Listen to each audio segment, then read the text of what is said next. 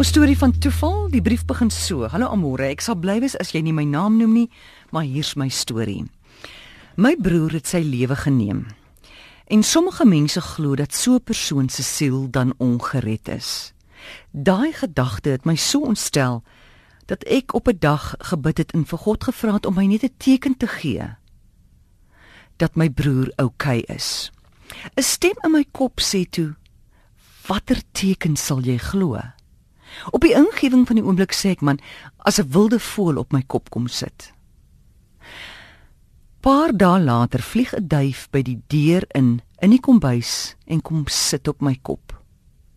Ek het so groot geskrik, ek het vir 10 minute met hom op my kop net so gestaan. Die duif het so 2 weke gebly. Nou nou wel nie op my kop nie, maar in en om my huis. Toe my ma kom kuier, en ons maak die deur oop, toe vlieg hy reguit na haar kop. Weereens sit hy daar vir 'n tydjie.